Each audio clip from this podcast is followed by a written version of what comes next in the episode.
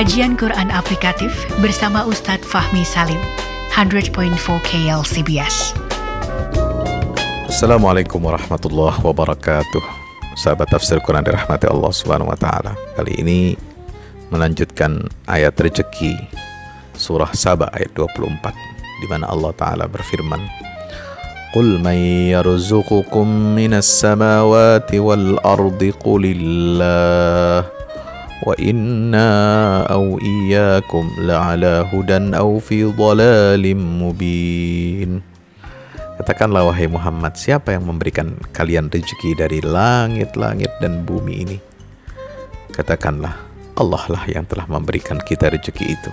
Dan sesungguhnya, ya, dan sesungguhnya kami orang beriman, wa au iyakum atau kamu wahai orang musyrik, la'ala hudan au fi dhalalim mubin. Pasti salah satu dari kita berada dalam kebenaran atau terjerumus dalam kesesatan yang nyata dengan kedudukan yang sangat hina. Subhanallah. Ini ayat sangat menyentak kesadaran kita.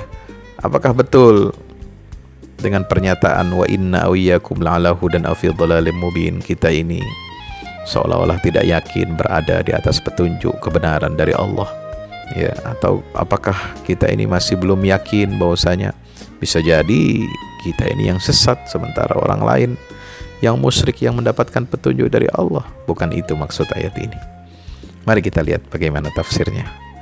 Sahabat tafsir yang dirahmati Allah. Setelah Allah menegaskan bahwa sesembahan selain Allah itu tidak mampu mendatangkan manfaat apa pun kepada para penyembahnya.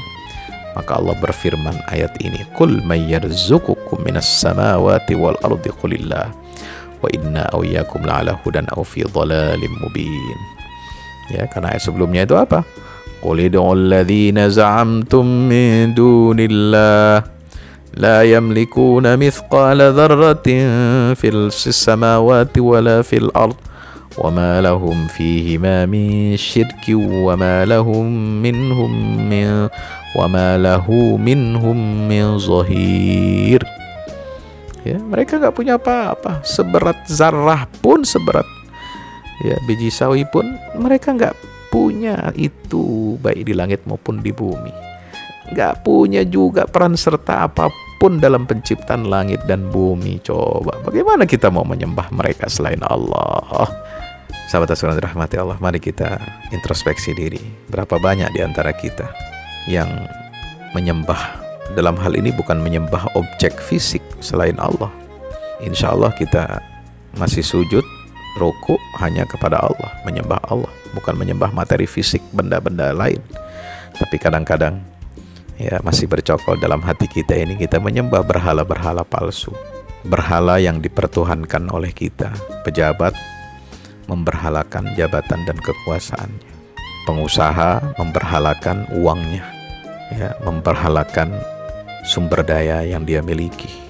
Ilmuwan memberhalakan ilmunya, segala sesuatu bisa diberhalakan oleh setiap hamba sesuai dengan kapasitasnya masing-masing. Padahal bukan itu yang menyebabkan kita menjadi mulia. Sebab itu semua bukan ada di tangan kita, bukan ada dalam genggaman kekuasaan kita. Semua itu adalah pemberian karunia dari Allah Subhanahu wa taala. Banyak di antara kita yang berhalakan ya berhala politik, berhala ekonomi. Uh, dalam politik itu ada namanya berhala survei, ada berhala uang, money politics, ada berhala partai dan lain sebagainya. Hati-hati. Yuk kita luruskan niat kita, kita perbaiki iman kita. Jangan kita tertipu dengan dunia ini. Maka itulah kita dihentakkan. Ya, ini pertanyaan buat orang musyrik sebenarnya, tapi buat kita juga kenapa ayat ini ada buat kita baca ya pasti kita harus introspeksi dengan ayat ini seolah-olah diturunkan kepada kita untuk menyentak kesadaran kita sahabat asal rahmati Allah dengan ayat ini Allah bertanya kepada kaum musyrikin siapa yang beri mereka rezeki di langit dan bumi dan menurunkan hujan? Dan dengan air hujan itu bumi menjadi subur dan menumbuhkan berbagai macam tumbuhan jadi makanan bagi mereka dan binatang ternak, mereka tentu tidak dapat menjawabnya. Walaupun mereka ingin katakan Allah, jawaban yang sesuai dengan hati nurani mereka tapi mereka menjawabnya berhala-berhala. Jawaban yang sebetulnya bertentangan dengan hati nurani mereka itu. Karena itu mereka terdiam tidak dapat memberikan jawaban apa pun namun namun demikian Allah perintahkan kepada Nabi Muhammad bahwa yang memberi rizki baik dari langit bumi itu hanyalah Allah. Ya. Nah, lalu Allah suruh Nabi Muhammad katakan kepada mereka ini setelah tidak dapat nyoptam di atas kami atau kamu pasti berada dalam petunjuk atau dalam kesesatan yang nyata. Ini cara diskusi yang amat halus dan tajam. Ya, ini cara kita berdialog dengan orang kafir, orang musyrik ya menunjukkan kerendah hatian kita ya cara diskusi yang yang yang yang sangat efektif sekali baik sekali. Nabi tidak mengatakan kaum musyrik itulah yang sesat dan dirinya yang benar tapi dia menyatakan salah satu di antara keduanya pasti ada yang mengikuti jalan yang benar dan ada yang mengikuti jalan yang sesat ucapan ini pasti akan menarik lawan bicara untuk berpikir siapa sebenarnya yang mendapat petunjuk dan siapa yang sesat. Dan menghindari cara-cara yang keras karena akan mendatangkan jawaban yang keras pula. Maka itu nah ini cara Nabi ini. Berdialog ya nggak ngototan. Tapi beliau ajak lawan bicaranya lawan berfikirnya itu untuk berfikir dengan jernih. Ya, sampai mereka bisa mengatakan bertanya kepada diri sendiri siapa sebenarnya yang dapat tunjuk dan siapa yang sesat nih hindari cara-cara kekerasan ya dalam kita berdakwah juga seperti itu, hindari cara-cara kekerasan.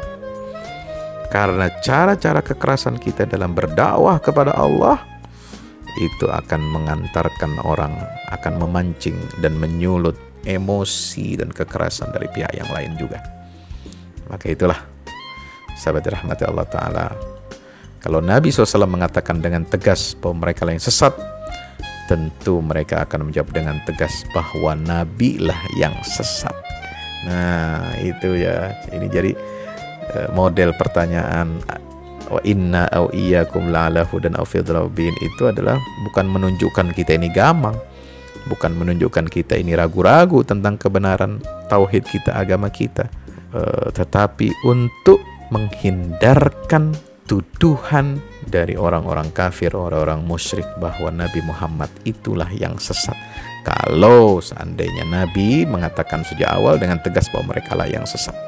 Subhanallah, itulah cara dakwah yang baik karena pembawa risalah ini harus dijaga kehormatannya itu Nabi kita Muhammad SAW. Sebagaimana Allah juga mengatakan wala tasubbul ladzina yad'una min dunillah adwan untuk menghindari madarat yang lebih besar yaitu Allah Ta'ala itu dicaci maki maka kita harus menghindarkan diri kita dari mencaci maki Tuhan sesembahan orang lain atau agama lain. Itulah cara Al-Quran dalam berdiskusi dan berdialog. Itulah cara dakwah kepada Allah subhanahu wa ta'ala dengan hikmah dan mau'izah hasanah dan berdebat dengan cara argumen yang lebih baik Wassalamualaikum warahmatullahi wabarakatuh.